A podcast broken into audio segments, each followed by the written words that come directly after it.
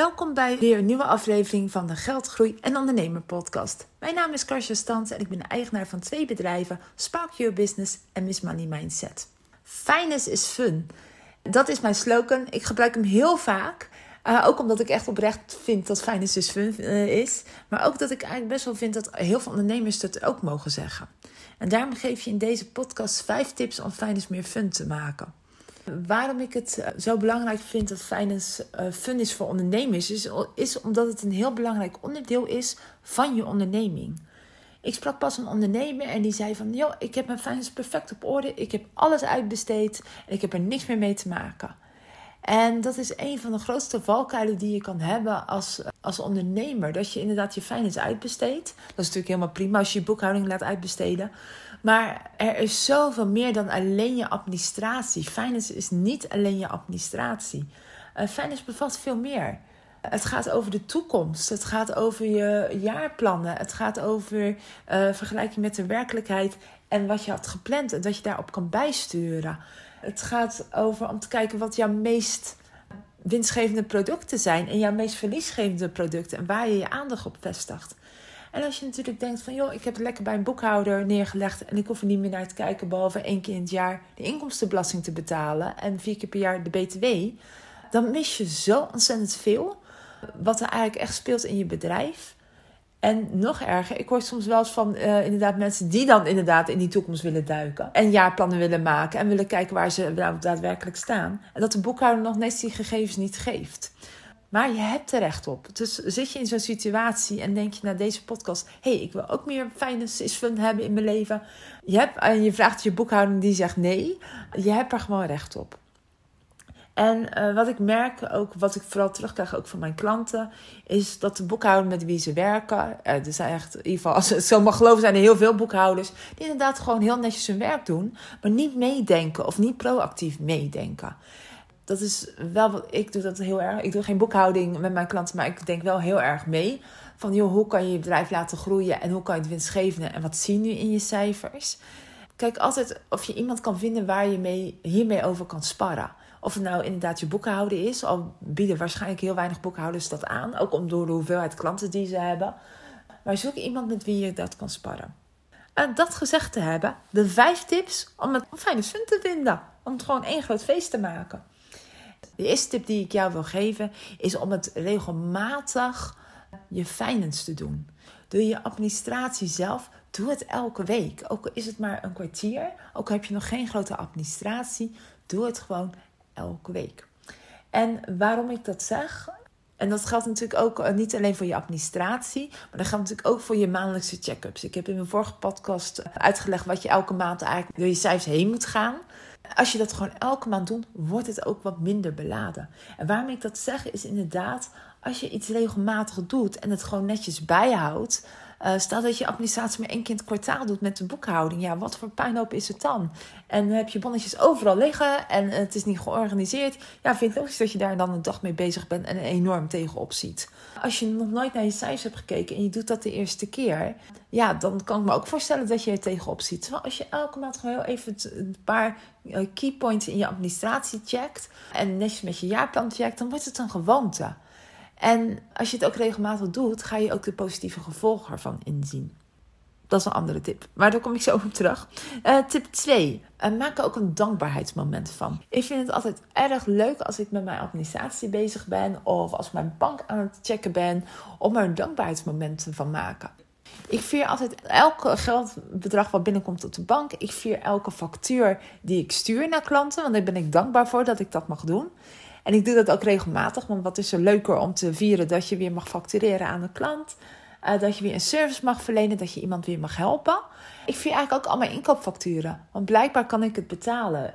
En ook, is het ook iets uh, wat mij gaat helpen. Ik geef geld uit aan iets. Ik heb pas weer een softwareprogramma gekocht. Ik heb dat geld gegeven omdat het, uh, uitgegeven omdat het mij helpt om te professionaliseren in mijn bedrijf. Waar ik weer een stapje mee verder komt. Dus ik maak echt overal een uh, dankbaarheidsmoment van. En dat is ook met Profit First. Ik hoor heel veel ondernemers. Oh, wanneer moet ik dat doen? Moet ik het elke maand doen? Bij elk bedrag? Ik doe het bij elk bedrag. Omdat ik het leuk vind. Ik vind het leuk om elke keer dat bedrag naar mijn uh, salarispotje te zien gaan. Of naar mijn winstpotje. Ook naar de inkomsten zelfs. Want ook je inkomstenbelasting, hoe meer je moet betalen, hoe beter het gaat met je bedrijf. En als je het helemaal uh, mooi wil maken, is het ook nog dat je Nederland helpt om gewoon welvarend te zijn. Dus maak er een dankbaarheidsmomentje van. Tip 3 is het inderdaad de mogelijkheden die het geeft als je je finance op orde heeft. Hoe, om succesvoller te zijn. Want als je precies weet wat er gebeurt in je bedrijf, dat je weet hoeveel kosten er uitgaan en hoeveel inkomsten er komt, en dat je daar ook een beetje een soort van planning van kan maken. En um, dan heb je het ook meer onder controle en kan je ook meer gaan sturen. Want als je weet dat product A uh, niet zo winstgevend is en je verkoopt er het meest van, dan is het tijd om dat bij te sturen. Uh, of uh, winstgevend te maken, je prijzen te verhogen, nou, noem maar op. Maar het is natuurlijk, als je het niet weet, dan kan je echt zoveel tijd en marketing besteden in een product waar je niks aan overhoudt. Ja, hoe zonde is dat als je dat niet weet? En dan ben je dan nog verbaasd dat al je harde werk, dat er zo weinig geld op je bank staat. Als je dat eenmaal weet, dat spelletje kent waar je moet, op moet letten, ook qua cashflow, dan wordt het ook echt leuk. Want dan zie je wat voor nut het heeft om je finance op orde te hebben en wat je er dan allemaal uit kan halen. En dat kan best wel confronterend zijn. Want uh, stel dat jij elke maand dat je Facebook ads gebruikt om te adverteren. En je geeft er 1000 euro aan, uh, aan uit. En je haalt uiteindelijk maar 6 leads ervan. Ja, hartstikke zonde natuurlijk.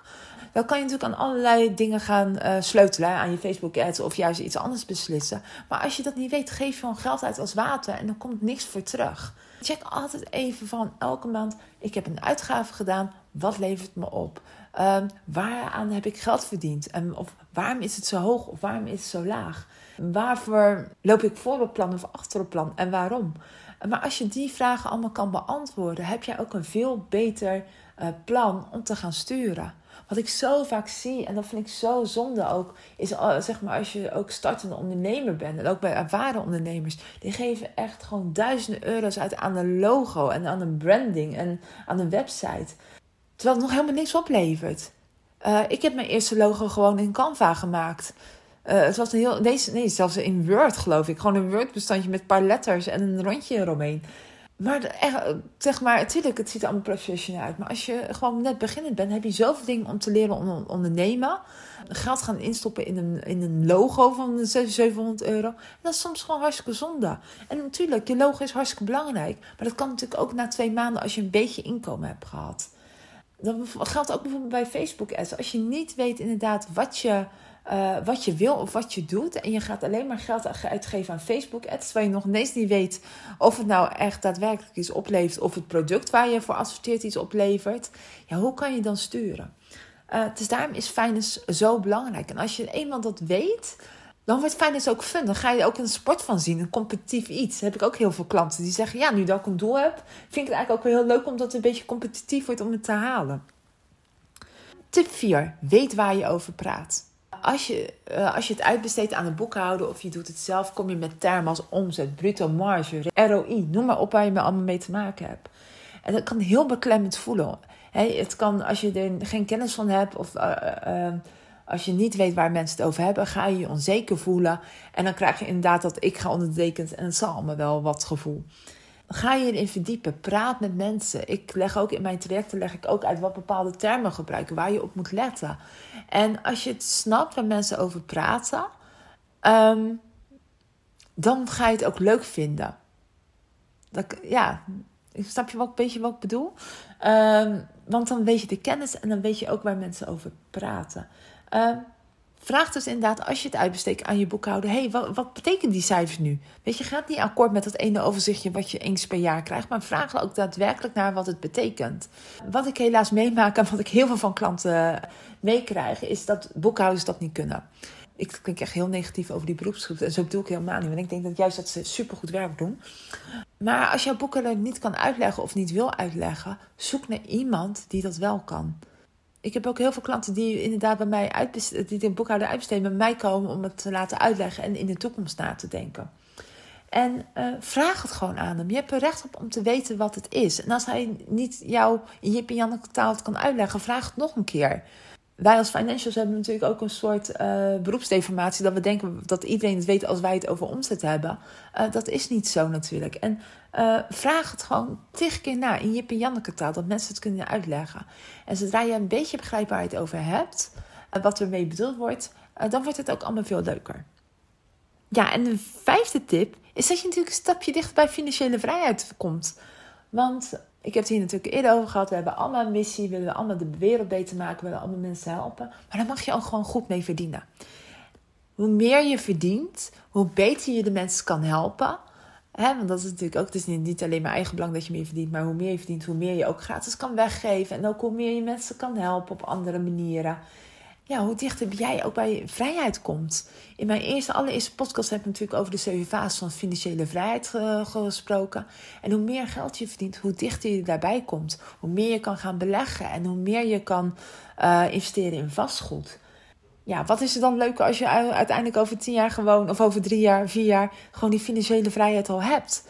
Uh, alleen maar door finance meer aandacht te geven en het met plezier te bekijken ja, dat waren de vijf tips qua finance is fun. Ja, zeg het ook gewoon als mantra als je gaat beginnen. Even nog een extra tip. Weet je, zie het niet als iets zwaars. Want alles is natuurlijk ook mindset. Als je natuurlijk elke keer aan je administratie van je finance denkt van... moet er weer aan. Uh, ja, dat gaat natuurlijk niet werken. Zie het gewoon als inderdaad iets leuks, als iets dankbaars ja, dat was het eigenlijk. Nou, ik hoop dat je wat aan de tips hebt. Wil je met me werken? Kijk dan even op, de, op mijn website www.sparkyourbusiness.com of www.missmoneymindset.nl. Kan ik kijken wat ik voor je kan betekenen. Fijne dag!